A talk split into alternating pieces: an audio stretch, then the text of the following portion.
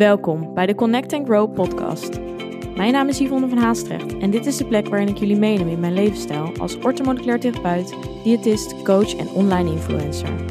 Ik ben een kleine blonde meid met een grote passie voor natuurlijke gezondheid, fit zijn, mindset en persoonlijke groei.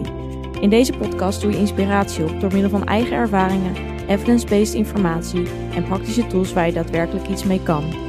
Een platform om samen te connecten en waar vele ervaringen mogelijk herkenbaar zijn. Hierdoor hoop ik jou het gevoel te geven er niet alleen voor te staan.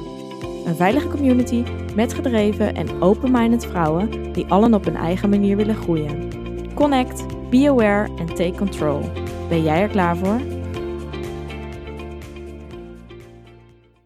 Welkom bij deze nieuwe podcast en dit keer weer een interview of eigenlijk meer een gesprek uh, samen met Roos, Roos Voorman. Misschien kennen jullie haar beter als Fitroosje op Instagram. En ik ken Roos eigenlijk uh, ook via Instagram. Ik uh, kom haar wel vaker tegen op e evenementen, maar ik ken haar ook uh, van een bedrijf waar we samen promotie voor deden. Dus ja, ik vind Roos een superleuke meid. Super down to earth, helemaal haarzelf. En ja, deelt dat ook op een hele positieve manier via Instagram. ze laat heel veel body positivity posts zien ja, heeft een hele weg ook gemaakt met hoe ze haar lichaam accepteert, uh, hoe ze daar nu mee omgaat. Ja, eigenlijk waar we het vandaag over gaan hebben met haar in de podcast is het feit dat zij uh, um, een borstvergroting heeft laten doen. En die heeft zij daar ongeveer nu een jaar geleden weer uit laten halen. Dus zij heeft haar borstimplantaten laten verwijderen. Eigenlijk met de reden omdat zij zich ontzettend uh, ziek voelde van de implantaten. Dus zij kreeg enorm veel klachten ja, ze zal er zo meteen over vertellen wat voor klachten. En uh, ja, dat is iets wat steeds ja, meer aan het licht komt. Dat eigenlijk die implantaten geen, ja, niet voor iedereen werkt. En ik denk dat het belangrijk is om uh, dit aan het licht te brengen. Omdat het zeker bij heel veel mensen dus niet bekend is dat ook deze gevolgen zich mee, ja, hè, dat, dit, dat dit soort dingen kunnen ontstaan. Uh, doordat je eigenlijk iets je lijf instopt wat niet eigenlijk in je lijf hoort. Dus uh, ja, het is niet voor iedereen um, dat deze nog negatieve gevolgen kunnen natuurlijk ontstaan. Maar ik denk zeker dat, ja, misschien jij, uh, wanneer jij borstimplantaten hebt, dat het echt de moeite waard is om te luisteren en om eens bij jezelf na te gaan van, hey, is dit iets wat ik herken? Um, en zeker als je dit al heel erg ervaart en het idee hebt dat er dus klachten gerelateerd daaraan zijn en je niet gehoord wordt, um, dat dit een hele fijne aflevering voor jou is. Het is namelijk uh, heel onbekend. Het wordt ook wel breast illness genoemd. In Nederland doen ze er dus ook vrij weinig mee. In het buitenland is er, of in Amerika zeker, is er al uh, meer bekendheid over. Maar de meeste artsen hier niet. Uh, zelfs de mensen die ze plaatsen niet. Dus ik denk dat het ja, een belangrijk is om aan te stippen vandaag. En dat hebben wij gedaan. Het is een super waardevol gesprek geworden. Dus ik hoop dat het jou uh, verder helpt. En anders of je er, ja, dat je er toch uh, iets uit kunt halen. Luister uh, lekker mee. Roos is uh, super open over haar verhaal. Dus Roos, dank je wel daarvoor. Nogmaals. En um, ga lekker luisteren. Nou, welkom Roos. Leuk dat je in deze podcast aanwezig wil zijn. Zou je jezelf even willen voorstellen voor de misschien nieuwe luisteraars? Ja, ik ben Roos. Op Instagram heet ik FitRoosje. Ik ben 26 jaar. Ik heb eigenlijk mijn eigen sportschool en daarnaast doe ik ook veel met voeding. En uh, ja, waar het eigenlijk over gaan hebben is over mijn borstimplantaten die ik bijna een jaar geleden heb laten verwijderen. Omdat ik allemaal klachten had. En dat uh, ja, lag uiteindelijk wel daaraan. Ja. ja, en ik denk dat het belangrijk is om dit eventjes aan te stippen. Omdat er dus, nou, er zijn natuurlijk best wel heel veel vrouwen met implantaten. En ik denk dat ook heel veel vrouwen ja, niet weten dat er dus ook een negatieve kant aan zit die wordt misschien ook wel minder uh, besproken. Maar het zijn ook überhaupt veel klachten die misschien helemaal niet relateerd aan je implantaten, maar die dus wel uh, ja, voor superveel problemen eigenlijk zorgen. Ja, klopt. Dat had ik ook. Um, ja, vermoeidheid is een van de dingen die eigenlijk het meest voorkomt ook, maar ook dat je denkt van, ja, maar ja, dat kan overal aan liggen. Ja. Dan zei ze tegen mij ook, ja, maar Roos, weet je zeker dat het daardoor komt? Want ja, je hebt ook je eigen sportschool en dat is ook misschien wat druk, je eigen onderneming. En toen had ik zoiets van, ja, maar ik vind mijn werk altijd hartstikke leuk. Het voelt niet als een verplichting. Nee, niet als moeten. Nee, en ook niet dat ik overwerk ben, omdat ik hele dagen aan het werk ben. Dat is ook helemaal niet het geval. Dus toch, ja, daar kan het niet echt aan liggen. En ja, zo zijn er nog zoveel klachten. Ik weet niet of ik ze allemaal opnoem wat ik had. Nou, misschien wel een paar, ja. Want ik had, misschien kunnen anderen het dan herkennen. ja, ik een had beetje. bijna het hele lijstje, zeg maar. Ja, want je, hebt op, je ging eerst op internet opzoeken? Of hoe, ja, wa- Ja, hoe wat, ik wat deed jou, ja, eigenlijk dat je dacht van, hé, hey, dit er klopt iets niet. Of waar legde je het verband met je borsten eigenlijk? Of met je implantaten? Mm, nou, ik had ze in april 2018 heb ik ze laten plaatsen. En nou ja, in principe nooit echt iets aan gelinkt of iets. En toen in december dat jaar, toen heb ik voor het eerst gelezen erover. Van iemand, van een meisje op Instagram, ik weet niet meer precies wie het was. Maar in ieder geval, ik las haar verhaal en ik dacht, nou, op zich kan ik enigszins misschien enkele dingen wel herleiden. Maar de klachten waren niet zo erg. En de klachten die gingen, die kwamen en die gingen weer. Dus op een gegeven moment dacht je, nou, ik heb eigenlijk nergens meer last van. Het zal wel, ja. Ja. maar ik had vaak ook wel of een beetje gewrichtklachten of tinteling in mijn vingers of in mijn voeten of gewoon bepaalde dingetjes dat ik dacht van oké. Ja, dus er waren wel al dingen. Ja, maar ik dacht ja, ik heb nieuwe implantaten.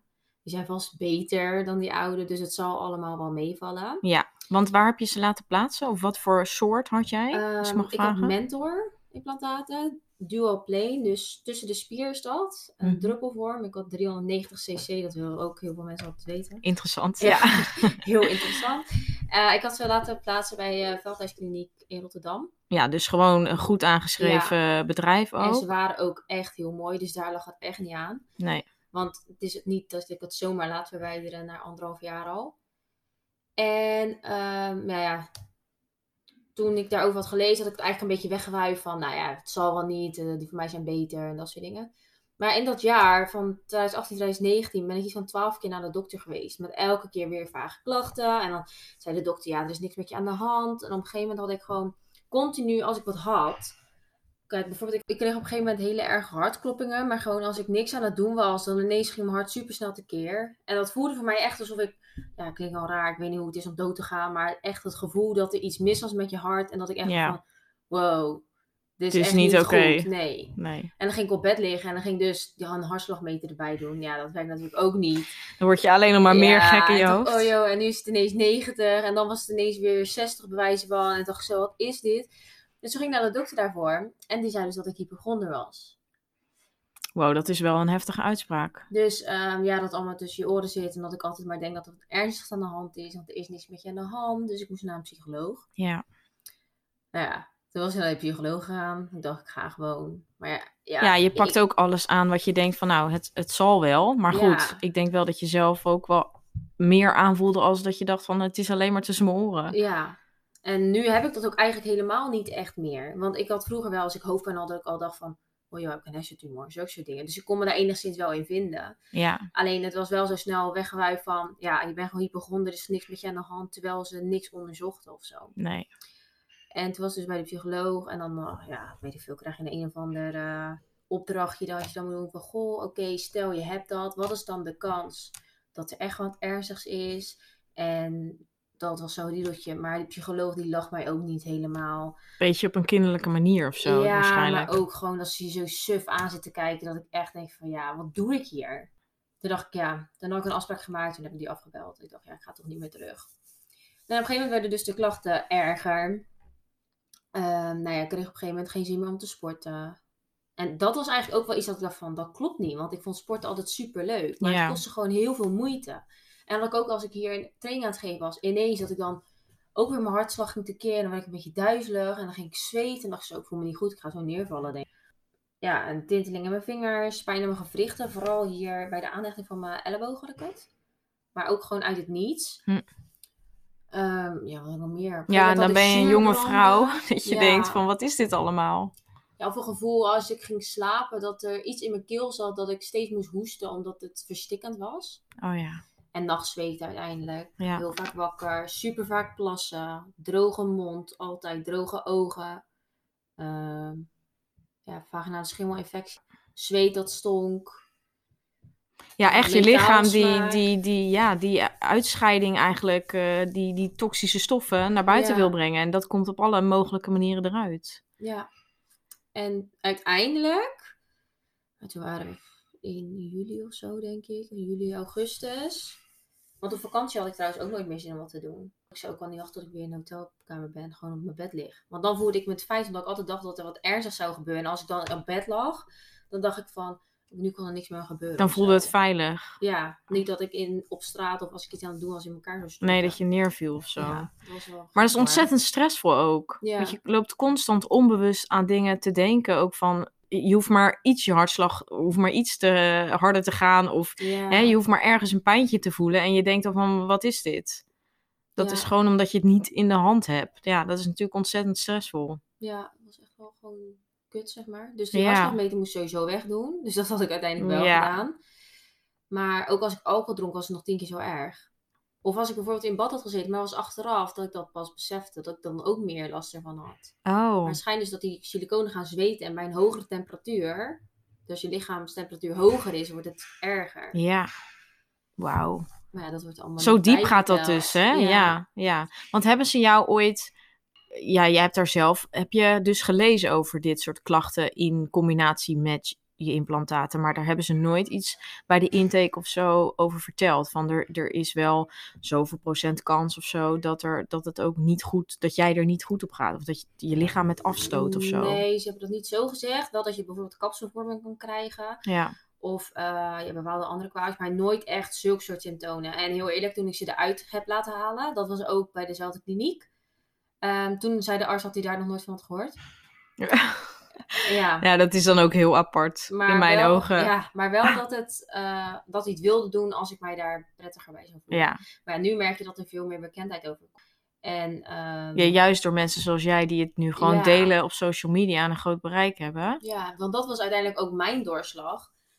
Omdat het toen weer langskwam op social media. En toen ging ik dus foto's bekijken van al die vrouwen. Ja, Maar toen was het ook het moment dat mijn gezicht veranderde. En dat is eigenlijk dat ik dacht van, oh, al die vrouwen hebben gewoon hetzelfde gezicht. Gewoon lijkbleek, gewoon een beetje grauwige kleur. ja, Het maakte niet uit hoeveel ik sliep. Ik had super erge wallen, ook echt dikke wallen. En dan ja rode donker. ogen. Ja. Ehm, ja, ik had het ook altijd koud. Gewoon niet warm te krijgen, gewoon continu rillen, een beetje ziekig altijd. En ook dat je continu een beetje ziek voelt. Alsof je denkt van, goh, ik ga griep krijgen. Of gewoon een verkoudheid waar je dan niet overheen komt. Maar gewoon dat je immuunsysteem zo hard aan het Ja. werken is om eigenlijk implantaten eruit te krijgen. ja, jou, Ja. jou wil beschermen door al die signalen te geven. Ja, echt heftig. Maar wat denk jou, want als ik, als ik jou, hoe ik jou ken, zou ik jou helemaal niet als een, was, was zeg maar je borsten, was dat echt een onzeker dingetje, dat je ze dus heel graag wilde? Want dat lijkt me dus ook, je, je hebt daar eenmaal die beslissing genomen om die borsten te nemen. Ja. Nou, dat lijkt me best wel, dat, dat doe je natuurlijk ook niet even in een dag. Nee. En dan heb je ze, daar ben je er waarschijnlijk heel blij mee. En om die stap er dan weer te nemen, om ze er weer uit te halen, zeker na, nou ja, dus anderhalf jaar, of jaar, Ja, wat zei je? anderhalf jaar, Anderhalf? Echt heel kort. Ja, dat lijkt me ook heel moeilijk, want ik ken jou niet als een persoon die daar dan heel erg mee zou, zou zitten, weet je wel? Met, met eh, dat je dan geen borst hebt. Want ik denk, er zijn natuurlijk superveel mensen die nu misschien denken van, hé, hey, ik zou dat wel graag willen. Ja, Wat zou je dan tegen die mensen zeggen? Want ik denk dat je nu je heel natuurlijk anders voelt als toen. Ja nou, ja, het was niet echt bij mij een heel erg onzekerheid. Mhm. Maar meer, ik ben echt wel plat. En dat paste gewoon niet echt bij mijn lijf, vond ik zelf. Maar ik heb pas trouwens een dagboekje gevonden. Ja. waarin stond... ehm, ja, of ik ooit borstimplantaten zou nemen, ik denk het niet. Want bij mij zal het wel weer gaan ontsteken. Oh, echt? Ja. Wauw, wet van aantrekking. Ja. Nee, ja, dat heb ja. ik altijd eigenlijk gedacht. En toen ineens dacht ik, ja, maar ik sport zoveel. En dat is eigenlijk de enige spiergroep die ik niet kan trainen om Nee. groter te maken. En omdat het een beetje normaal werd, als in zoveel mensen kregen die implantaten. Ja, Alsof je bijna een pakje boter bij de supermarkt kocht. Het was gewoon normaal geworden. Ja. of Zo. Dus toen dacht ik, nou, zo erg kan het niet kwaad, lijkt mij. het was ook wel een beetje in, denk ik, rond die tijd. Ja, echt heel veel. Maar ook als je naar festivals ging, al die meiden hadden gewoon nepborsten en zo. Ja, En ik vond het ook wel gewoon mooi. En toen had ik dus wel een arts gezocht die een beetje het natuurlijks was. Want ik hou niet van die pornotieten.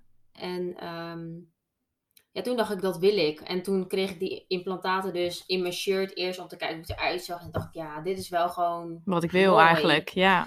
Ja, en omdat ik ze zo mooi vond, had ik ook niet het idee van, goh, ik wil ze er heel graag uit laten halen. Want dacht ik, ja, een grote vent die mijn tieten eruit haalt, gaat dat echt niet doen. Maar ik had wel altijd al in mijn achterhoofd van, maar wat als ik eenmaal kinderen wil, wil ik die implantaten dan wel houden? Want het kan voor mijn idee ook nooit goed zijn als je zoiets toxisch in je lijf hebt, als je dan bijvoorbeeld borstvoeding gaat geven. Dus daar had ik al wel over nagedacht. Dus achteraf gezien weet ik eigenlijk helemaal niet waarom ik ze heb genomen. Voor die paar jaar? Nou ja, toen was de wil, denk ik, om het, het, hetgeen dat je het mooi vond, was toen groter dan dat je natuurlijk eigenlijk nog heel erg bezig was met misschien de gevolgen daarna. En je had natuurlijk nooit gedacht dat je dit in zulke mate zou krijgen. Nee. Maar wat, om terug te komen op je vraag, wat ik dan mensen zou willen meegeven, is waar komt het vandaan dat je onzeker bent over je borsten? Ja. Meer van, hoe komt het? Is dat omdat iemand er ooit iets over heeft gezegd? Of is dat omdat je je vergelijkt met anderen? Of Ehm, ja, vind je het niet mooi, maar is het je aangepraat? Want er zijn zoveel verschillende vormen en maten borsten. Maar het is eigenlijk een soort commercieel iets, vind ik, achteraf gezien ook wel. Is het zeker, ja. het is gewoon een bepaald... borsten niet vrouwelijk zijn. Perfecte type, weet je wel? Ja. En pas als je, je hebt gevoeld hoe je, ik me voelde, zeg maar. Dat kan je niet uitleggen ook, denk ik. Dan pas denk je van, het is het gewoon echt niet waard. Nee. Want anders had ik ze erin gelaten. Maar ik ken ook vrouwen, tenminste ik ken ze niet persoonlijk, maar ik zie dat in zo'n Facebookgroep. En die hebben gewoon auto-immuunziektes ontwikkeld. Of sommigen die hebben echt auto-immuunziektes, maar die willen nog steeds die implantaten er niet uit laten halen. Wauw, dat vind ik heftig. Ja, maar dan denk ik... En sommigen worden ook trouwens niet meer beter. Hè? Als je dan te later mee bent, ja, dat, ja. dan word je gewoon niet meer beter. Nee, want je, je hele lichaam moet, moet gewoon helemaal opnieuw ja. je moet gewoon opbouwen, zeg maar. Helemaal detoxen. Want ik dacht ook, als ze eruit zijn, dan ben ik zo. Dan zijn ze eruit en dan ben ik weer helemaal fit. Nou, ja. dat is dus helemaal niet zo. Nee, dat duurt echt nog wel. Want je zei net al van, nou, ik voel daar nu dus nog steeds eigenlijk. Ja. Daar klachten aan. Of dat het af en toe naar omhoog komt. Ja, ik had ehm, heel erg druk op mijn borst aan, het begin. En mhm. achteraf ja, heb ik toen een healing gehad. Want het schijnt... Uh, kijk, ik heb best wel wat vollere benen. En toen heb ik mijn waarde heb ik eigenlijk altijd gehecht aan mijn benen. Dus ik denk dat ik onbewust. Je eigen waarde. Ja, mijn eigen waarde, ja. sorry. Dus onbewust heb ik denk ik ook gedacht: van goh, als ik nu borstimplantaten neem, wordt mijn nadruk van mijn benen wordt minder gehaald en dan wordt het naar mijn borst gelegd. Maar toen mijn borstimplantaten er weer uitgingen, werd de nadruk dus weer op mijn benen gelegd. En met zo'n healing uh, gaat ze een soort van zeggen van ja, dan ga je met een treintje over jezelf heen en dan zeg je bij die stopt. En bij mij was het dus bij mijn hart. Maar meer dat hij gewoon emoties had. En toen moest ik gewoon ineens huilen. En toen kwam dat als Alles eerste eruit. naar boven. Ja. Maar ik heb nooit echt gedacht van tevoren dat dat op die manier zo was. Dus toen, ja, toen eigenlijk begon die healing pas. Dat ik en ging healen. En dan nog detoxen met andere sapjes en bepaalde supplementen dat ik heb gebruikt. Ja, dus voornamelijk ook mentaal healing. In de zin van dat het je ook, dat je er mentaal jezelf een knop daarmee moet omdraaien. En dus eigenlijk niet meer die borsten en die benen aan je eigen waarde moet hangen over eh, wat dat het zegt wie jij bent of hoeveel je waard bent. Ja, klopt. Ja. En dat is op zich nu wel goed gelukt. Maar ehm, ja, soms denk je ook misschien als je grotere borsten hebt, en dat denk ik dat heel veel vrouwen dat we hebben, dat je dan meer gewaardeerd wordt bijvoorbeeld door een man, uh, omdat het er mooier uitziet. Maar ja, ik weet niet. Ik heb nu ook wel dat ik zoiets heb van. Ik had het eigenlijk vroeger ook wel. Als ik dan een jongen leuk vond en dan vond iemand anders leuk die wel een grotere borst had, dan dacht ik, oh, dan ligt het daar aan. Of bijvoorbeeld, uh, ik vond diegene leuk en hij ging dan met iemand die dunnere benen had. En ik dacht, ja, hoe kan nou iemand ooit verliefd worden op iemand met zoals ik met zulke grotere benen? Ja, ja. dikkere benen. Maar eigenlijk is dat gewoon een soort, ja. Het is bijna een traumaatje dan gewoon voor jou geworden.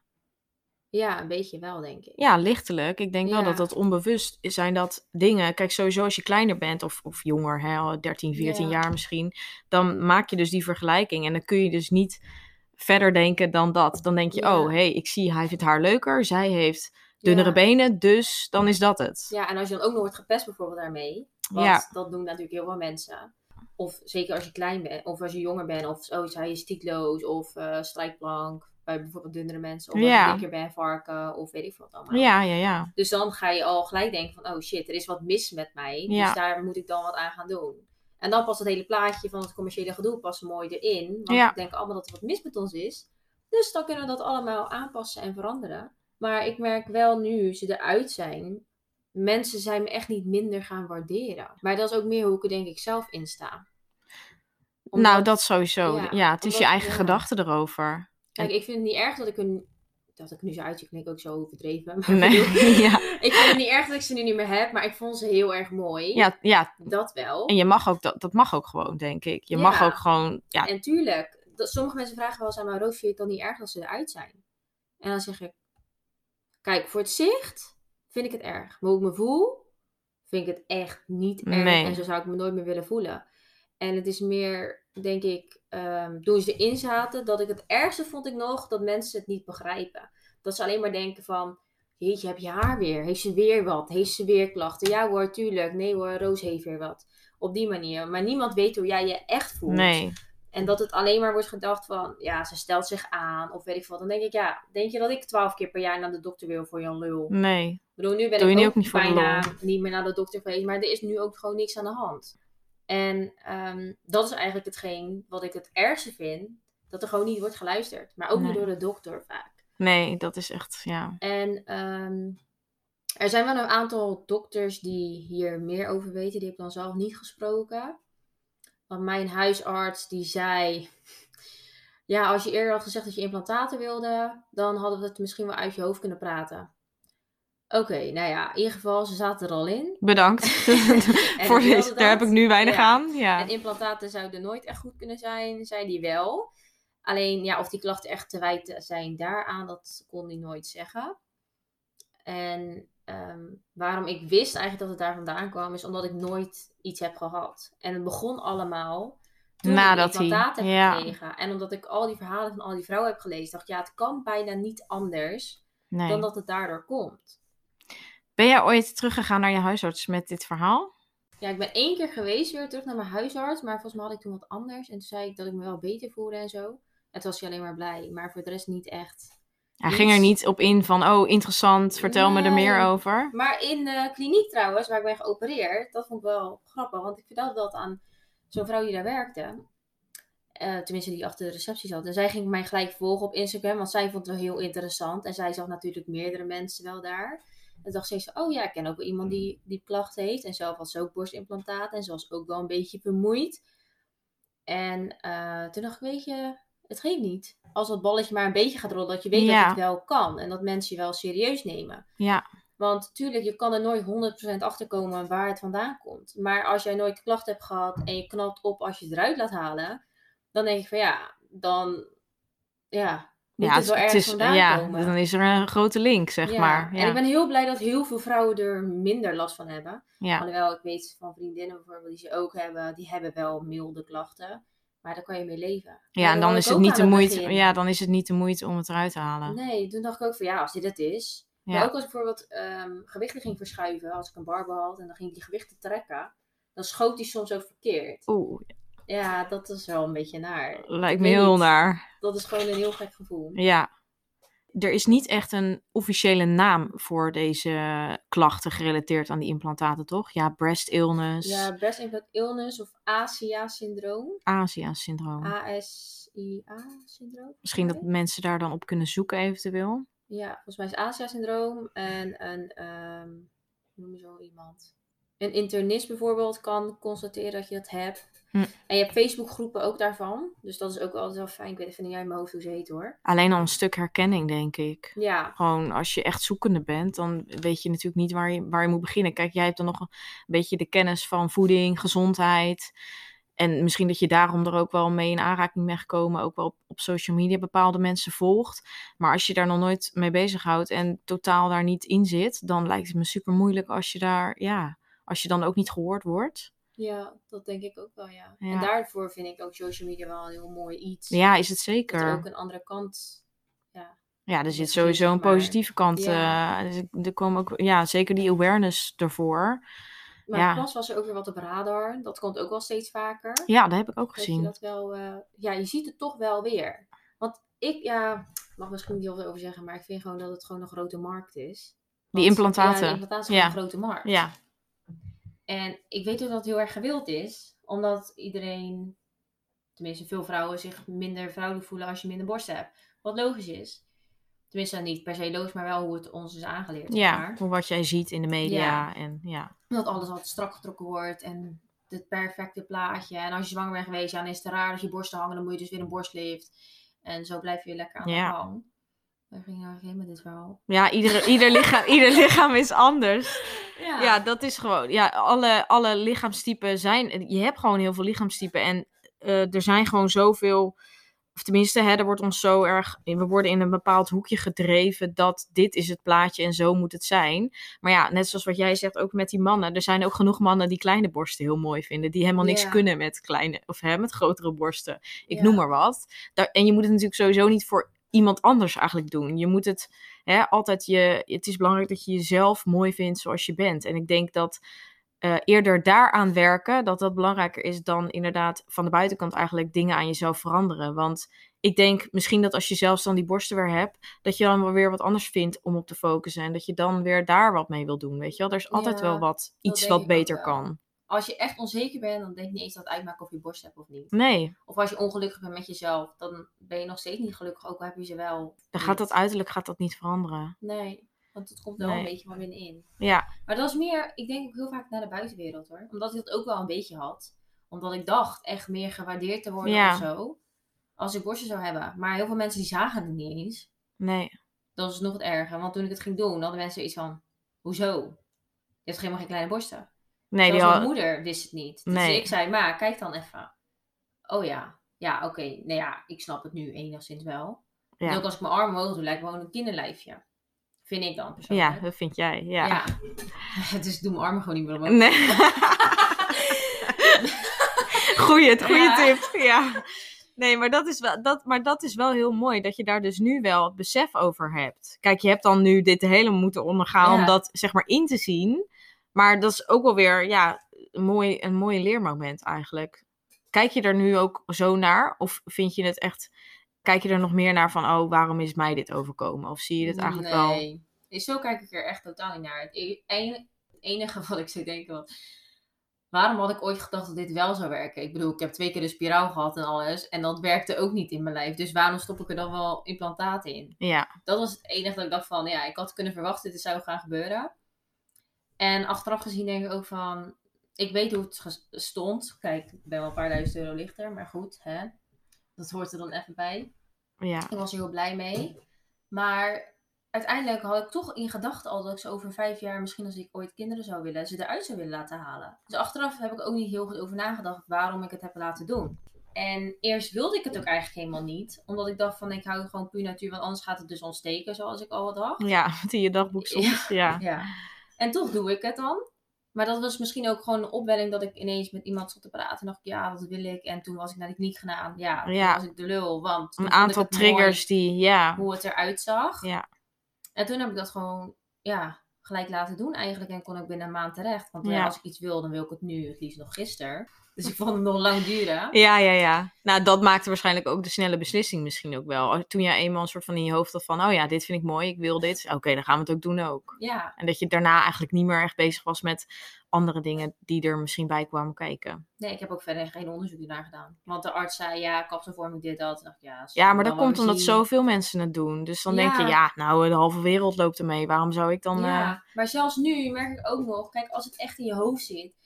Mensen kunnen mijn verhaal lezen of horen, maar sommige mensen doen het nog steeds. ja, En soms vraag ik ook wel eens gewoon, ik had vorig pas een meisje ook hier, die, wil, die heeft nu implantaten en die was eigenlijk eruit laten halen, maar die was nog op gesprek geweest. En ehm, ja, ze wilde toch misschien wel weer kleine implantaten erin. Maar ze vindt zichzelf best wel borstweefsel en ze wil gewoon wat kleiner. Dus ik zeg ook van, maar waarom ga je dat niet alleen laten liften? Waarom wil je er dan weer wat in hebben? En dan ging ze wel weer twijfelen van, ja, waarom zou ik eigenlijk weer wat erin stoppen? Maar dan zou het misschien weer mooier zijn. Maar dan denk ik, ja, maar de instoppen kan altijd nog als je het echt per se wil. ja, Je kan beter misschien eerst kijken wat het doet als je het er gewoon uithaalt. ja. Ja, ik, ik weet niet. Ik ben niet anti hoor.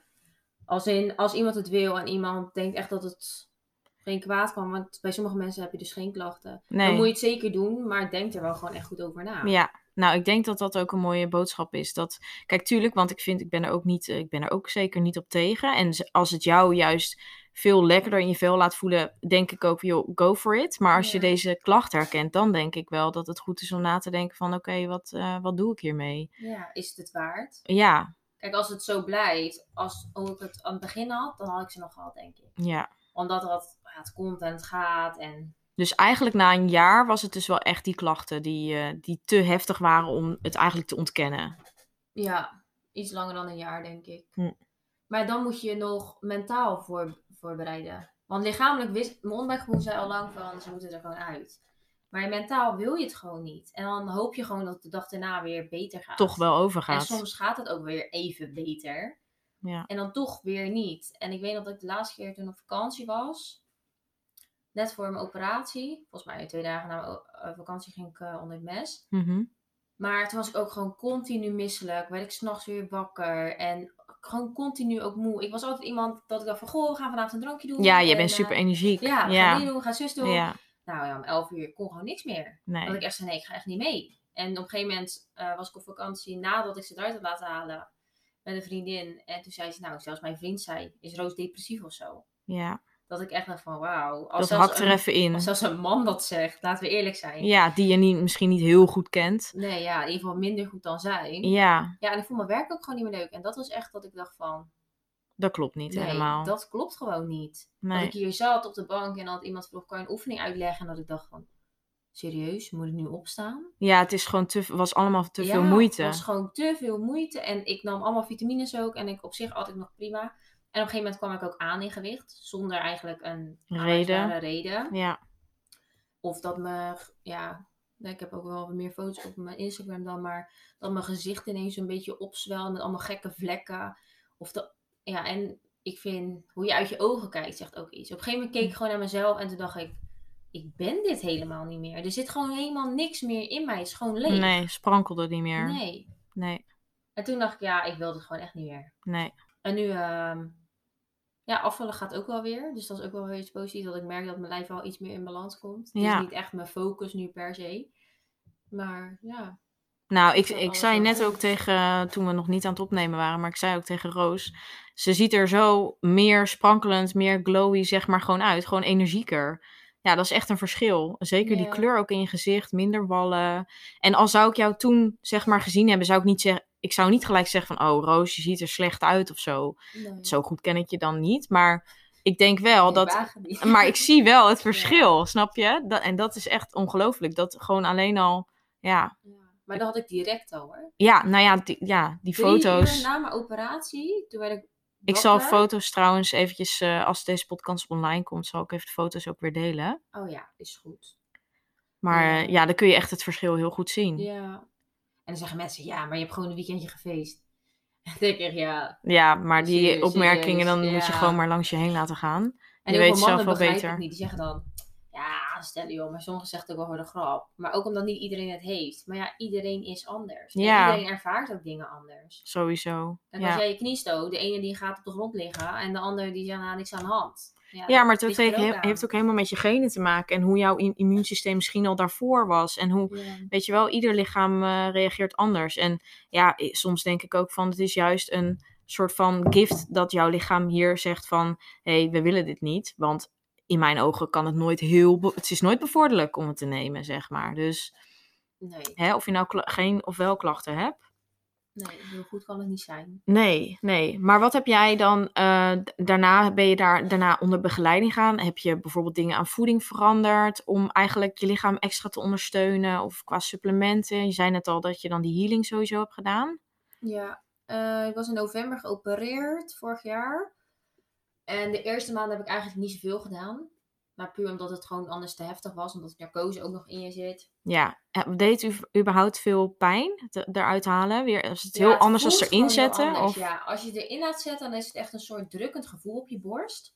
Alsof er echt iets op ligt. Wat aan de ene kant ook logisch is. En eruit halen, ik heb ook met kapsel laten verwijderen. Omdat ik eh, daarover had gelezen. En mensen zeiden, ja, stel dat er wat in je kapsel zit.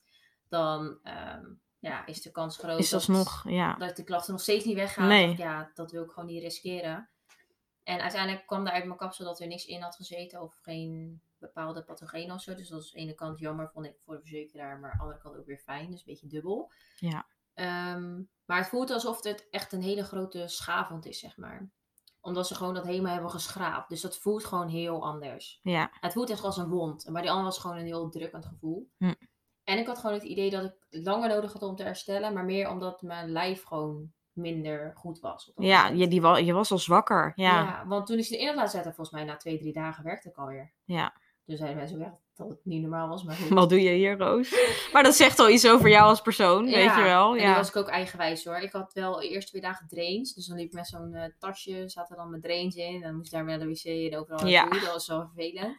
Maar op het moment dat die eruit waren, toen was ik ook weer naar mijn sportschool toe gegaan. Dat was misschien 100 meter, anderhalf of 200 meter lopen vanaf mijn huis. En ik kwam hier en ik werd gewoon helemaal naar. Maar meer dan denk ik dat ik het kan. Maar eigenlijk doe ik Ja. het niet. nee. Dan Dus- roept je lichaam je even terug. Ja, dat zeggen we, dat doen we even normaal. Ja, En voor de rest heb ik er... Ja, dat was eigenlijk meer het idee. Dus Hm. ik heb niet super veel pijn gehad hoor. Ik heb ook niet veel pijnstillers geslikt. Ben ik sowieso niet zo van. nee. Als ik de pijn kan handelen, dan is het gewoon goed. Ja. En ehm, ja, wat dan meer? Nou ja, wat je, wat je qua voeding eventueel dan, Oh, eh, ja. zeg maar... eh, dit was even een vraag tussendoor. Ja, ehm, wat je nou, eraan gedaan hebt. Ik heb met een... Ja, zij heet eh, Daniella. Ben ik mee aan de slag gegaan. Want zij heeft ook borstimplantaten gehad. Mm. Dus dat was ook wel interessant. En Ja. zij is een detox coach. Dus ehm ja, we hebben aan de hand van Medical Medium heet dat. Dat is... Dat ken ik, ja. Ja, we hebben een detox gedaan. Dat was wel heftig. Want eigenlijk is de officiële detox dat je 28 dagen lang eet je alleen maar groente en fruit. En voornamelijk rauw. Wauw. Maar ja, dat is gewoon bijna geen doen. Want dan ga je zo erg detoxen, maar dan krijg ook hele erge detoxklachten. Ja, Dus op een gegeven moment had ik dan... zoals zweten. Ja, nachtzweten. Ja. eh, niet lekker voelen. Veel naar het toilet, denk ik. Ja, veel plassen. ehm beetje trillerig, beetje duizelig. Gewoon eigenlijk alle klachten die je had, die worden dan eerst versterkt. Omdat Ja. zeg maar die afvalstof Ja, je lichaam wordt in gang gezet. Ja, Ja, en dan moet je dat gaan opruimen. Ja. Dus dat is of je dat kan handelen, ja of nee, is altijd per persoon een beetje verschillend. ja, is ook, ja, dat zie ik ook bij mij in de praktijk. De een Ja. reageert er goed op, de ander heel heftig. Ja, dus ik had eigenlijk, eh, toen corona kwam, heb ik het gedaan. Dus dat is rond maart, april. Want toen dacht ik, nou, dan kan ik daar mooi mee beginnen nu. Hm. En ik heb wel gewoon gekookte groenten en zo genomen, maar het was ook vegan. Maar dat heb ik twee weken volgehouden. En toen dacht ik, ja, ik wil ook gewoon een stukje vlees of zo. Ja, zeker. Bleef je erbij sporten? Ja, Ja, dan heb je ook wel iets meer nodig natuurlijk. ja, en ik wilde ook echt sporten. Dat is ook weer zoiets. Ik kan dat dan niet in mijn hoofd zetten. Ik wil gewoon trainen. Dus dan eh, had ik wel veel smoothies. Eh, ja, ik leefde eigenlijk bijna op smoothies en dan soms een salade of soep. En dan s'avonds had ik meestal wel gewoon iets. Dus op zich was dat wel prima te doen, maar ik was dan weer wel blij als het klaar was. Ja. Want, ja, ik weet niet. Ik vond het gewoon niet zo. Nou ja, dat wil je niet. Dat is voor een korte periode, maar dat wil je niet altijd. Je voeding Nee. is wel belangrijk dat je gewoon volwaardig blijft eten. Ja, en ik merkte gewoon dat ik wel ups en downs had. Als in, ehm, ja, die stoffen blijven toch in je zitten. En soms zeggen ze dat het met bepaalde virussen te maken heeft die je al in je lijf hebt. En dat bijvoorbeeld die implantaten die voeden. Ja, virale belasting. Ja, en aan de ene kant zou ik daar, kan me daar wel in vinden dat sommige mensen daar dus minder last van hebben. Omdat ze misschien die virussen minder hebben in de lijf of niet hebben. Ja. Waardoor je die virussen ook niet voedt, waardoor je dus ook weinig klachten hebt. Ja. En ehm, ja, supplementen heb ik ook veel gehad hoor, maar meer tincturen ook. En sowieso B12 Ja. en vitamine D en zo slikte ik al. Maar ook bijvoorbeeld lemon balm. Ja, dat zijn allemaal een beetje onbekende dingen voor de meesten, Ja. denk ik. Ashwagandha. Ehm, Stress ook, ja. hoe heet dat andere dingen? Antioxidanten waarschijnlijk. Ja, en nettel dan. Maar dat is eh brandnetel. En nog zo'n ander dingetje, ik weet niet meer. Oh ja, kat, catsclaw. Catsclaw, ja. Zo echt gewoon man. Ja, ja. En ik nam dan elke keer zo'n eh, detox smoothie. Dus dat is Ja. dan met sinaasappelsap, banaan, wilde bessen, eh, koriander. Ja, is heel erg, ja, dat ja. is voor je Ontgifting. metalen uit je Ja. hersenen. Dus kan je ook hoofdpijn van krijgen dan. En nog drie poedertjes tarwegras, Atlantische dulse en barleygrass. Gerstengras was volgens mij. Gersten, ja. Maar ik merkte daarvan dat ik op het begin werd ik daar zo moe van. Eigenlijk dat het gewoon te heftig was. Ja, te veel ontgifting, dus Ja. eigenlijk gewoon dus te zwaar. dat is dan, als ik dat genomen wil, ik gelijk slapen. Ja, En nu ik dat neem. kun je nagaan hè, wat een impact, hoeveel shit er dus eigenlijk in je Ja. lichaam zat, wat eruit wilde. En dus ook nog die narcose. Ja, En daarom duurde het ook wel langer voordat ik misschien ook weer gewicht kon gaan verliezen. ja, Omdat ja je lichaam is een overlevingsstand. helemaal- ja. ja. Uitstond. En nu pas merk ik dat het gewoon wel beter gaat. Want ik was dan begonnen met macro stellen. Dat is dan niet meer bijvoorbeeld die regels van dat medical medium. Mhm. Want volgens medical medium kan je ook beter bijvoorbeeld geen eieren eten. En geen mais. En geen eh, ja, vlees is dan minder gewenst. Ehm, ja, nog soja ook niet. Maar ja, ik kan ook niet zo goed tegen soja. En ik kan ook niet zo goed tegen melkproducten, wat ook eigenlijk niet mag. Ik kan ook niet zo goed tegen eieren. Dus nou ja, in principe kan ik niet echt tegen iets. Nee. Maar dat zegt al dat je systeem gewoon overhoop ligt, zeg maar. Ja. Dus dat, uh, dat maakt ook, denk ik, dat je de intoleranties hebt ontwikkeld. Ja, en toen ik die implantaat had, had ik nog meer intoleranties. Ja. Want toen kon ik bijna helemaal niks verdragen. Nee. Dus dan is het soort van gewoon dweilen met Ja, dat herken ik zelf ook. Dat heb ik zelf ook een periode gehad. Dat, Ja. dan, dan op een gegeven moment, als je lichaam uit balans is, dan kun je op een gegeven moment nergens meer tegen. Nee, en dat is gewoon... eh, Dan moet je eerst weer resetten en dan weet je dat je gewoon je systeem eh, extra nodig heeft. Ja. Maar nu gaat dat dus beter. ja, nu gaat het beter, moet ik zeggen. En ehm, ja, ik probeer wel een beetje die regels nog te doen, maar ik ben niet zo van de regeltjes eigenlijk. Nee, Dus als ik gewoon trek heb een ei, neem ik een ei. Maar Ja. niet meer dat ik het elke dag neem, bijvoorbeeld. nee. Want ik heb ooit ook een bloedtest laten doen. Toen kwam er ook uit dat ik intolerant van kip en kippenei. Ja, dat weet ik nog. Ja. Ja. En toen dacht ik, nu is dat wel minder, want ik kan het wel eten zonder dat ik misselijk word. Maar ik neem het gewoon alleen maar als ik er echt trek in heb. Ja. En soja neem ik ook nog wel eens, ook niet zo heel vaak. En melkproducten eigenlijk nauwelijks. Maar ik merk bijvoorbeeld als ik eh, melkproducten eet, dat ik keelpijn krijg. Hmm. En eh, dat ik ook gelijk weer last krijg van mijn buik. Ja. Dus ja. ja, het is ook heel persoonsspecifiek, hè? want dit is dan weer bij jou. Maar dat kan Ja. natuurlijk heel, iedereen kan daar natuurlijk heel anders op reageren. En gluten werkt ook niet echt voor mij. Nee. Wel een beetje een zeikertje. Nou, nee, je lichaam geeft het gewoon aan. Ja. Ja. Maar ik denk dat het gewoon goed is dat je, het op, dat je gewoon heel erg naar je gevoel luistert. Net wat jij zegt, als je voelt van mijn lichaam heeft, hè, ik heb trek in een ei, dat je het dan gewoon neemt. Ja. Ik denk dat uiteindelijk het meest gaat helpen dan ook, want jezelf allerlei regels opleggen, wat je net zelf al zegt, dat werkt ook niet altijd, omdat je er dan weer super veel stress over hebt en denkt, ja, wat de fuck moet ik nu weer eten? Sorry Ja, voor mijn woorden, maar Dat is ook echt zo. ja, je moet wel ook voldoende energie überhaupt binnen blijven krijgen. Want anders ga je daar weer slecht door voelen. Dus ja, dat is natuurlijk ook altijd. Dat moet je altijd een beetje afwegen. Ja. En ik vind sowieso, als je echt ergens trek in hebt, neem het dan gewoon. Ja, Ook als mensen op dieet zijn bijvoorbeeld, of een voedingspatroon aanpassen, of hoe je het ook wil noemen. Dan zeggen ze ook al zo'n trek in dat wijntje, maar ik heb het niet genomen. Dan zeg ik, hoezo heb je het niet genomen dan? ja, Ja, omdat ik vond dat het niet kon. Ik zeg, ja, maar als je nou echt, echt trek erin hebt, Ja. neem het dan gewoon. Ja. Kijk, op andere momenten heb je er waarschijnlijk minder trek Ja. in. Dan Ja. is het een ander verhaal. Ja, en als je elke dag trek erin hebt, dan vind ik het ook een ander verhaal. Maar neem het dan. Want anders blijft het alleen maar in je hoofd zitten. Is zo, en vaak als je het dan neemt, is het of heel lekker, of je denkt, nou eigenlijk wel tegen. ja, want soms heb je het ook gewoon helemaal opgehemeld in je hoofd. Omdat Ja. je het dus al zo lang vermijdt. Ja, Dus dan valt het een soort van tegen. Nou ja, dan weet je dat ook weer Ja. maar dat vind ik wel Ja. echt. ja, ik zeg ook wel eens tegen mensen van. eh, probeer er een cijfer aan te geven, weet je wel. Als het een 9 of een 10 is, dan weet je gewoon dat je ervan gaat genieten. En dat je dan dus daarna ook geen schuldgevoel hoeft te hebben. Want je hebt er gewoon mega van genoten. Terwijl als het een zesje is, dat je denkt, ja, hè, er staat bijvoorbeeld chips op tafel ergens en iedereen pakt maar. Ja, dan doe je vaak mee omdat je gewoon pakt om te pakken. Terwijl, hè, misschien hou je helemaal niet zo van chips. En dan denk je daarna, ja, waarom deed ik dat nou? Ja, dan heb je een schuldgevoel over. Maar als je er echt van kan genieten, moet je het gewoon doen. Dat vind ik ook echt. Ja, Maar vaak omdat er staat inderdaad. ja, ja, nou ja, en als je dan één chipje hebt genomen, dan ben je lul. Ja, dan eh, kan je niet meer zo, stoppen. ik heb er echt trek in. Ja. Maar dat is helemaal niet. Maar Ja, of dan krijg je een beetje dat alles of niets. Hè? Dat je dan weer denkt, ja, nou ben ik toch al begonnen. Laat maar. Ja. Nu eh, eet ik die hele bol leeg, weet je wel. En de dag toch verpest. Ja, ja, ja. uit, ja. Ja, dat is weer een ander verhaal. Ja. Maar ja, dus ja, eigenlijk ehm, gaat het nu wel gewoon veel beter. Ja. Je lichaam heeft dus wel, ja, je moet dus wel weten dat het dus ook een lange weg daarna nog is. En dat je niet gelijk ook kan denken van, oh, nu zijn al mijn klachten verdwenen. Nee, en dat dacht ik dus wel. Ja, En dat was dus echt niet zo. dus dat viel ook wel een beetje tegen dan weer mentaal waarschijnlijk. Ja, maar soms ook dat ik dacht ineens van... Als ik dan een klacht had, ook, da- wat als het daar niet aan heeft gelegen? Wat als Ja, het wel het oh. is? Zo dacht Ja, ik die weer. twijfel van, had ik het dan maar misschien niet moeten doen of zo. Nou ja, dat niet echt eigenlijk. Ik heb nooit getwijfeld of ik het er dan wel of niet uit zou halen. Ja, Maar nooit gedacht van, had ik het er maar in laten zitten? Dat heb ik niet gedacht. oké. Ook toen ze eruit gingen en ik zag mezelf voor het eerst weer, dacht ik... Ja, dit ben ik weer. Ja, was, Ja. als je daar geen verdriet over of zo? Nee, ik was zo plat als wat. Nog platter dan nu, want alles was gewoon weggehaald. En het, het zat nog een beetje wat hoger, omdat ik een zwelling had, een beetje. Maar dat was het eerste wat ik weer dacht. Dat ik dacht van, ja, dit ben ik weer. Wauw, dat is toch mooi? Ja, Ja, dat je gewoon, je dacht, het was helemaal niet een, een tegenvaller of nee, een rot moment dat je...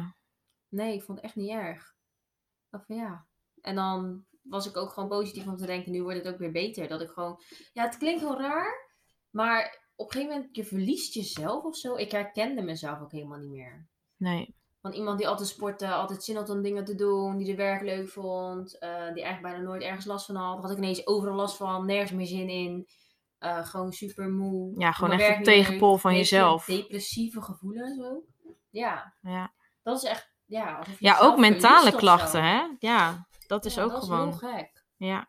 En dan dus nog niet echt begrip. Of ja, mensen bedoelen het denk ik niet zo. Maar toch ja, niet echt begrip of zo. Nou, er zijn weinig mensen die er denk ik vanaf weten of die erbij stilstaan. Ja, en dan zit het maar snel tussen je oren. Want ja, heb ze weer wat hoor. Ga je weer naar de dokter? Wat heb je nou weer? Weet je wel zo. Ja, daar wordt er ook een beetje grappig over gedaan. Ja. Terwijl, eigenlijk uh, super vervelend voor jou. Ja, terwijl je echt denkt dat je echt wat ernstigs hebt gewoon. Ja. Ja. Ja, dat is, dat is super frustrerend lijkt me ook. Ja, dat is denk ik het meest frustrerende. En dat... Dan zit je ook met jezelf in de knoop, denk ik. Ja. En je weet ook gewoon... Uh... Ja, ik weet niet, dat vond ik wel het ergste, denk ik, sowieso. Maar dat je mensen dus gewoon serieus moet nemen. Ik bedoel, tuurlijk kan het soms in iemand zijn hoofd zitten. Maar dat is echt niet altijd zo. Nee. En dat je wel mensen dus serieus moet nemen van, goh, ieder lichaam werkt anders. Uh, kan het toevallig zijn dat ze het niet verzint, maar dat ze die dingen dus echt voelt. Ja, ja en sowieso. Ik denk dat je bij jezelf, je gevoel spreekt gewoon voor zich. Jij voelt zelf het beste aan wat voor jou nodig is. Ja. Dus ik denk ook ieder mens voelt dat, ja, dan kan iemand anders, een arts of huisarts of weet ik wel, tegen jou zeggen van, het is onzin, maar jij voelt zelf wel het beste aan. Kijk, tuurlijk zijn er uitzonderingen. Maar ik denk altijd dat het goed is om te blijven ver, ja, om verder te blijven kijken als je ergens mee loopt. En niet maar gewoon te denken van nou, het zal wel, weet je wel. Ja, ja de huisarts zegt dat het niks is, dus het zal wel. Ja. Ja, want hoe vaak wordt iemand niet naar huis gestuurd terwijl hij uiteindelijk wel wat heeft? Ja. Meer omdat er gewoon niet naar gekeken wordt. Nee. Ja, neem maar een paracetamolletje en kijk maar hoe je je verder voelt. Ja. Of het zit tussen je oren, wat heel veel mensen dus ja. te horen krijgen. Ja, het wordt al gauw natuurlijk ook opgegooid van oh je hebt stress of je moet wat rustiger aandoen. Ja, Kom over een half jaar maar terug. Maar ja. Dat is eigenlijk bijna altijd geen een beetje. Ja. Omdat bijna iedereen nu een burn-out heeft of iets. Of overwerkt is. Ja, dat is misschien gewoon stress gerelateerd. Ja. Oh, je hebt die klachten? Oh ja, dat heeft ook met stress te maken. Ja. Ja, dat is de maatschappij van tegenwoordig. Dus blijf altijd een beetje bij jezelf. En blijf ook. Ik denk dat het goed is om ook open te blijven staan. Dus voor andere wegen. Hè? Dus inderdaad alternatieve geneeswijzen. Of, of wat jij net zoals bijvoorbeeld met die healing van jou. Ja, er is zoveel mogelijk tegenwoordig ook. Ja, en ik denk als je daar niet voor openstaan, dan klinkt het allemaal heel zweverig. Omdat dat ook weer ons dus is aangeleerd. Ja. Dat alleen de dokter. Het is niet de normale weg. Ja. Nee, tenminste de normale weg hoe wij het geleerd hebben. Ja, heel goed, heel goed. Ja. En, Mindfuck dit. Ja, maar ook als ik naar mijn ondergevoel, uh, onderbuikgevoel luisterde, wist ik al lang dat het hiermee te maken had. Dus dan denk ik ook van, ja, vertrouw gewoon op je gut feeling. Want vaak weet je het al. Ja. Maar je hoofd moet je alleen nog overtuigen. Dus ja, je ego is, uh, is jou anders aan het bepraten, zeg maar. Ja, ja maar misschien ligt het daar wel niet aan. Ja, nee joh, zal wel niet. Nee. Weet je wel zo. Ja, want je, je hoopt op beter, maar ja, dat zit er soms niet in. Nee. En natuurlijk is het alleen maar goed dat je dat hoopt. Maar uiteindelijk moet je dan wel stappen ondernemen als het niet zo is. Ja. Natuurlijk, misschien gaat het wel weer beter. En bij mij ging het ook met ups en downs. Dat ene moment had ik echt last en het volgende moment dacht ik, ah, vandaag had ik eigenlijk gewoon een goede dag. Maar ja. dat is ook niet helemaal normaal dat je per dag moet kijken of je Nee, of, of nou, e-, even zo'n loodje trekken van zou het vandaag uh, goed zijn? De leuke roos of de minder gezellige roos? Hè? Heeft ze energie vandaag? Ja. En dan ik één keer goed geslapen en dan ik één keer nog gesport. Dacht, zo, goed bezig. Nou, nu ga ik me even goed voelen. Ja, ja. echt niet. Ja. Oh, maar daardoor blijven dus wel heel veel mensen altijd met dingen lopen. Omdat het dus zo schommelt. Ja. En dat is hetzelfde, klinkt een beetje gek, als je bijvoorbeeld een data laat zetten, dan doet het ook zeer. En dan stopt ze en dan ja, gaat het weer weg. Dus daardoor blijf je dan dat ook misschien doen. Ja, misschien een beetje een rare vergelijking. Ja, prima vergelijking. ik snap wel wat je bedoelt. Ja, maar wel dat pijn is vaak maar eventjes. Ja, ja. daardoor vergeet je het snel weer. Ja, maar dat is het ook. Het pijnpunt moet, moet groot genoeg zijn om ze er dus echt uit te laten halen. Ja. En bij jou was het dan het geval, maar bij heel veel denk ik niet. Nee, dat denk ik ook niet. En dan neem je het genoegen en dan denk ik van, nou ja, hè? Ja, als ik dan een beetje, minder, een beetje meer moe ben soms, nou ja, prima, als ik maar leuke titel heb. Ja. Maar soms denk ik ook van, ik dacht echt, mijn shirtje en zo gaan me echt veel beter staan. Nou, ik kan ze ook wel leuk staan, maar heel veel meer ook niet. Nee. Dan denk ik, ja, wanneer zie je ze? Ja, als je naakt bent. Maar als je dan zelfliefde gaat krijgen, dan, ja, ik weet niet. Ik vind het nu ook wel gewoon goed. Ja. En dan denk ik, ja, moet ik dan die twee dingen erop zetten? Ja, voor die paar keer dat je op het strand loopt, dat mensen het zien, hè? Ja. Ja, en dat is wel de reden waarom veel mensen het altijd doen. Ja, voor de ander. vaak. Doe je het eigenlijk echt voor jezelf? Want Ja. eigenlijk, ze zeggen altijd, doe het voor mezelf. Maar ik denk eigenlijk dat heel veel mensen het toch voor iemand anders doen. Dat denk ik ook. Ja. Want heel eerlijk, waarom zou ik voor mezelf in mijn lichaam laten snijden? Dat zei mijn moeder toen ik ze erin laat zetten. Dat ze het er niet echt mee eens was. Want waarom zou je snijden in een gezond lichaam? Ja. Ja, nou hè, maar ik wil ze gewoon. Mhm. Als ik gezond ben, dan kan ik het toch ook in laten snijden. Zo. Ja. En dat is ook het eerste, tenminste sommige mannen die zeggen dan inderdaad van vind je het dan niet erg als ze eruit zijn? En sommige vrouwen dan. Ja, Niet echt. Nee. eigenlijk niet. Maar dan denk ik, oké, had ik, was ik beter geweest als ik wel borst had gehad dan? Nou ja, dat denk ik niet. Want ja, je waarde en zo, dat moet je niet linken aan je borstgrootte of een ander uiterlijk aspect, vind ik. Uiteindelijk gaat het om wie jij bent als persoon. En ik snap Ja. best dat je er leuk uit wil zien en misschien goed voor je lijf wil zorgen. Maar dat doe je in ieder geval niet door implantaat. Nee. Dus stop. Goeie. Laten we er eerlijk over zijn. En ja, ik heb het zelf natuurlijk ook gedaan, dus op zich, ik snap iedereen hoor die het wel doet. Maar ja, ik denk dat het gewoon echt goed is om je af te vragen, stel dat je het wil of stel dat je het hebt en je hebt erge klachten, wat houdt je tegen ons bijvoorbeeld of eruit te laten halen of waarom zou je ze graag willen? Ja. Want toen ik ze eruit ging laten halen, zou ik mensen tegen mij van, ben je dan niet bang hoe het eruit komt te zien? Ik zeg, nou, heel eerlijk, dat is nog het minst waar ik me druk om maak. Hoe het eruit gaat zien. En ehm, Ja, jij was alleen maar denk ik super nieuwsgierig over hoe je je ging voelen. ja, ik dacht echt zo, ik kan echt niet wachten tot ze eruit zijn. Dacht ik. Nee. Maar dat is denk ik het stukje ehm, wat je dus moet gaan leren. En bij mij zat het misschien nog steeds bij vroeger van mijn benen. Dat ik dat stukje nog steeds niet had geaccepteerd. En daardoor dus uiteindelijk die borstimplantaat heb genomen.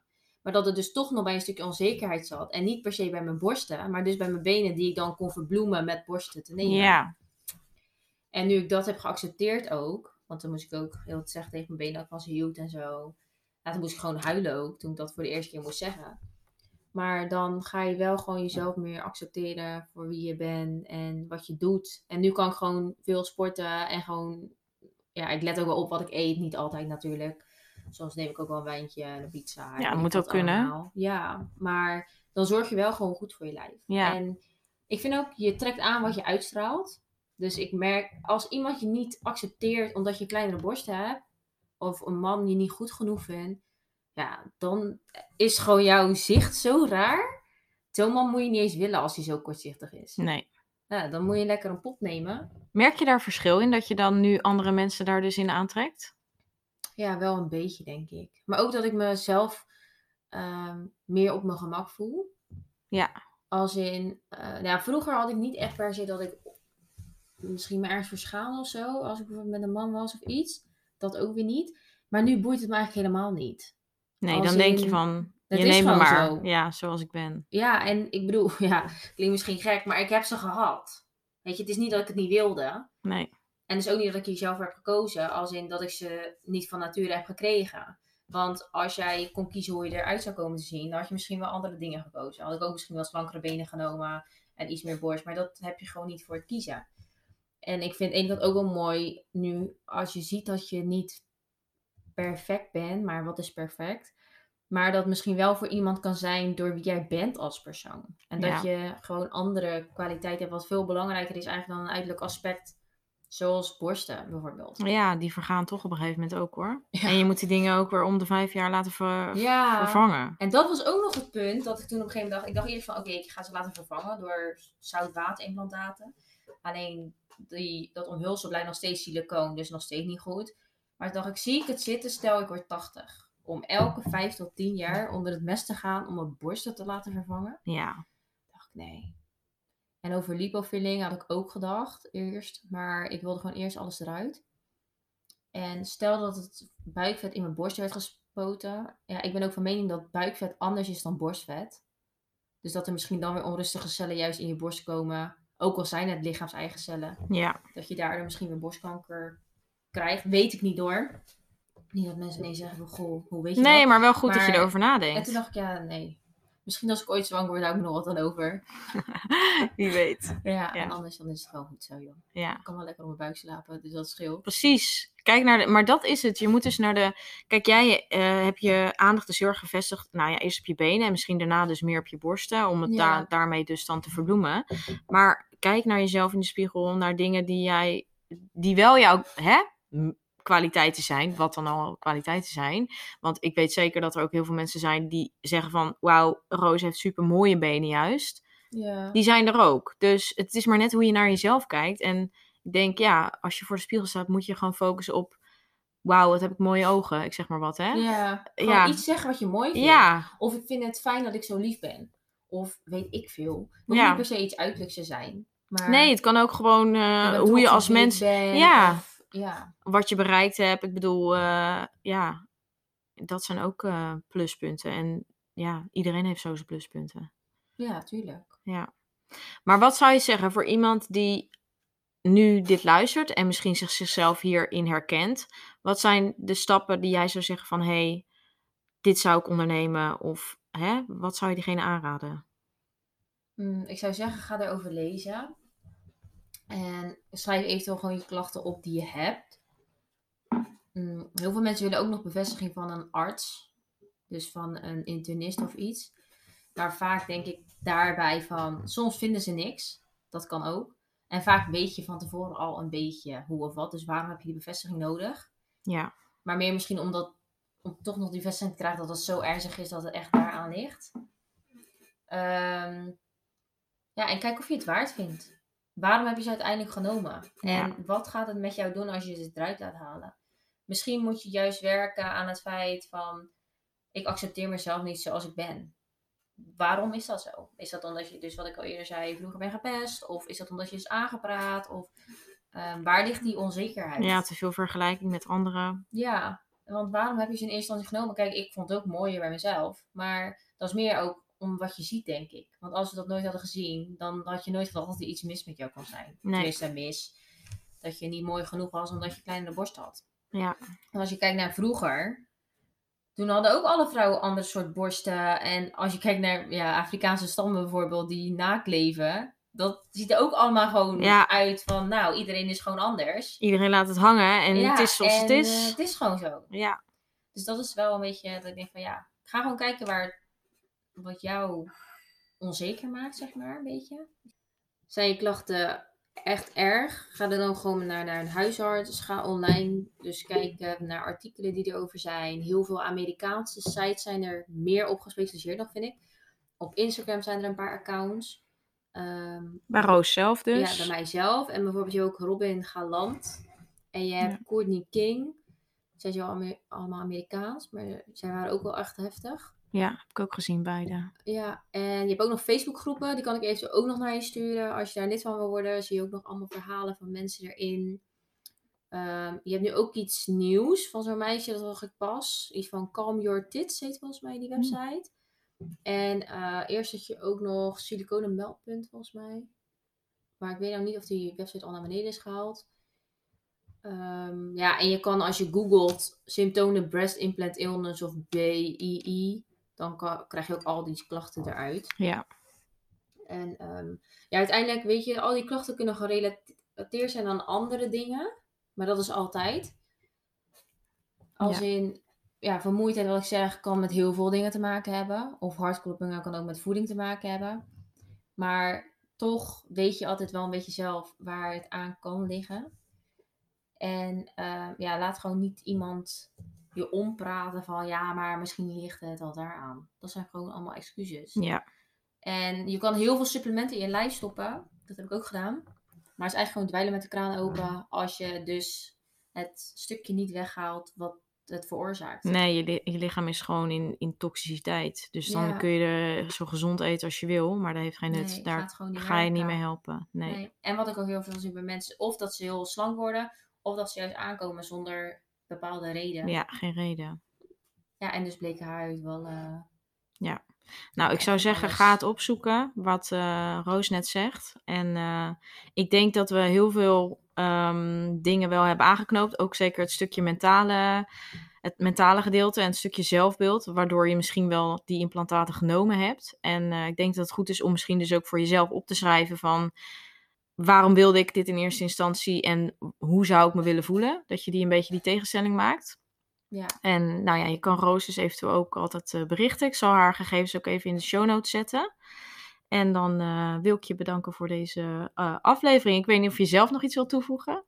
Ik denk dat je het wel goed verwoordt. Dus um, ja, ik wil jou ook bedanken sowieso. En aan de luisteraar nog echt, als je dus deze klachten hebt, vertrouw gewoon echt op je eigen gevoel, want je bent gewoon niet gek. Nee. En uh, ja, dat is denk ik het belangrijkste, dat je luistert naar jezelf. En iedereen kan zeggen wat hij wil, maar jij weet dat er iets niet klopt. En uh, ja. Ja, laat je daar laat je niet van de wijs brengen. Ja, precies. Dat is eigenlijk wel hetgene. Ja. Wat je wilde delen. Wat ik wilde delen, ja. Ja, nee, ik denk dat het gewoon goed is dat er nu gewoon, uh, ja, dat we deze aflevering hebben gemaakt, dat mensen zich gewoon daarin kunnen herkennen. En uh, ik denk dat het een mooi is om af te sluiten. Ja, dat denk ik ook wel. Nou, dan hopen we jullie te zien in de, of ik in ieder geval jullie te zien in de volgende aflevering. En nogmaals bedankt, Roos. Ja, jij ook bedankt. Doei. Doei. Bedankt voor het luisteren. Vond je dit een leuke aflevering of ben je geïnspireerd geraakt? Deel dit dan met anderen of maak een screenshot en deel dit via stories op Instagram. Superleuk als je mij hierin tagt. Elke vorm van support waardeer ik enorm. Laat bijvoorbeeld ook een review, sterren of een reactie achter.